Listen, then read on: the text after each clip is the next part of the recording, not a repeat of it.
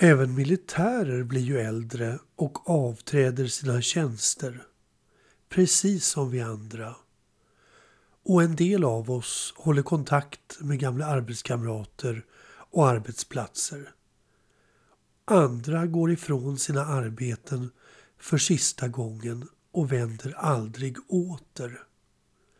Men vi är alla olika. Och när vi blir äldre så kan vi kanske i alla fall tänka oss att göra ett besök där vi en gång har jobbat. Vi kallade kanslihuset på Svea Livgarde för gubbdagis när jag jobbade där. Alla gubbar som hade tröttnat på tjänst ute i det fria kröp behagligt in på kansliet.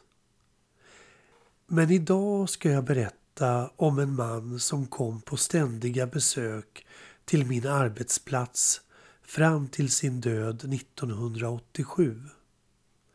På Tegnérlunden 4, fyra trappor, bodde ryttmästaren Alfred Fågel. Jag hittar en bild på nätet i den mycket utmärkta samlingen Stockholmskällan.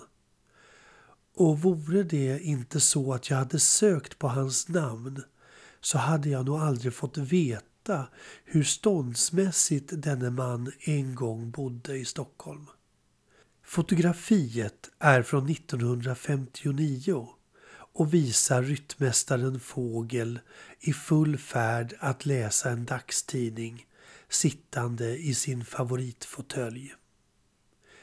Det var cirka 27 år senare jag skulle träffa honom för första gången. Jag arbetade som sekreterare åt överstelöjtnant Alexander von Rosen på K1 i Stockholm och på eftermiddagarna kunde jag höra ett visslande och ett par släpande steg inifrån biblioteket på K1s mäss. Det var ryttmästare Fågel som gick en runda och väntade på sitt glas whisky medan han visslade.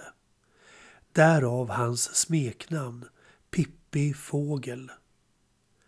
Han föddes redan 1899 och var som ni förstår till åren kommen redan då jag träffade honom.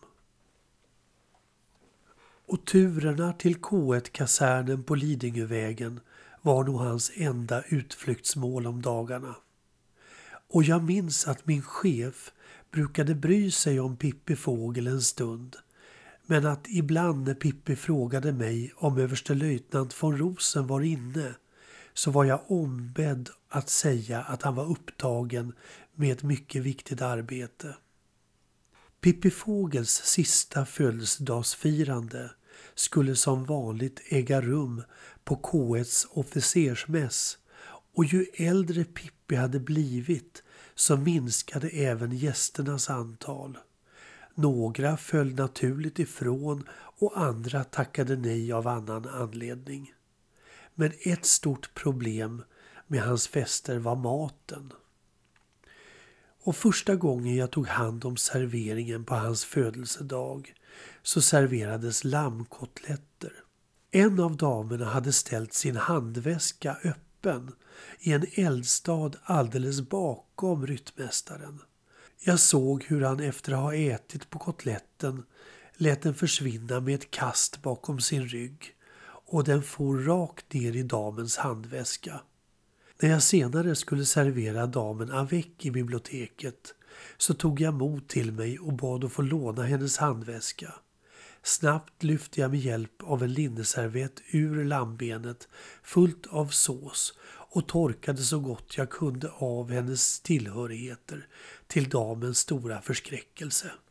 Nästa år skulle kocken och Pippi prata om vad som skulle serveras till nästa fest och han föreslog något mer lättuggat. Som till exempelvis vad då? frågade Pippi.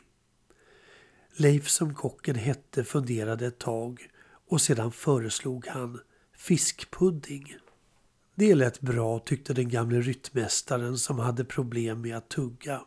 Och när han bjöd in till sin födelsedagsfest så gjorde han även som sig bör ett menyutskick och ett OSA. Flera av gästerna blev nog bedrövade av matvalet och tackade nej. Varför gå på en fin restaurang och äta fiskpudding?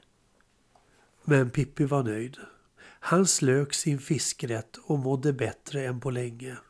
Och det var väl huvudsaken att han själv var nöjd med sin mat. Och egentligen var det väl inte maten som var viktigast för honom.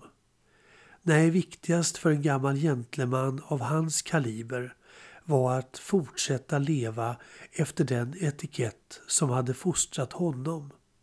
Och om någon spökar i biblioteket på K1s officersmäss så är det nog Pippi Fågel med släpande steg och ett ständigt visslande i väntan på sin whisky.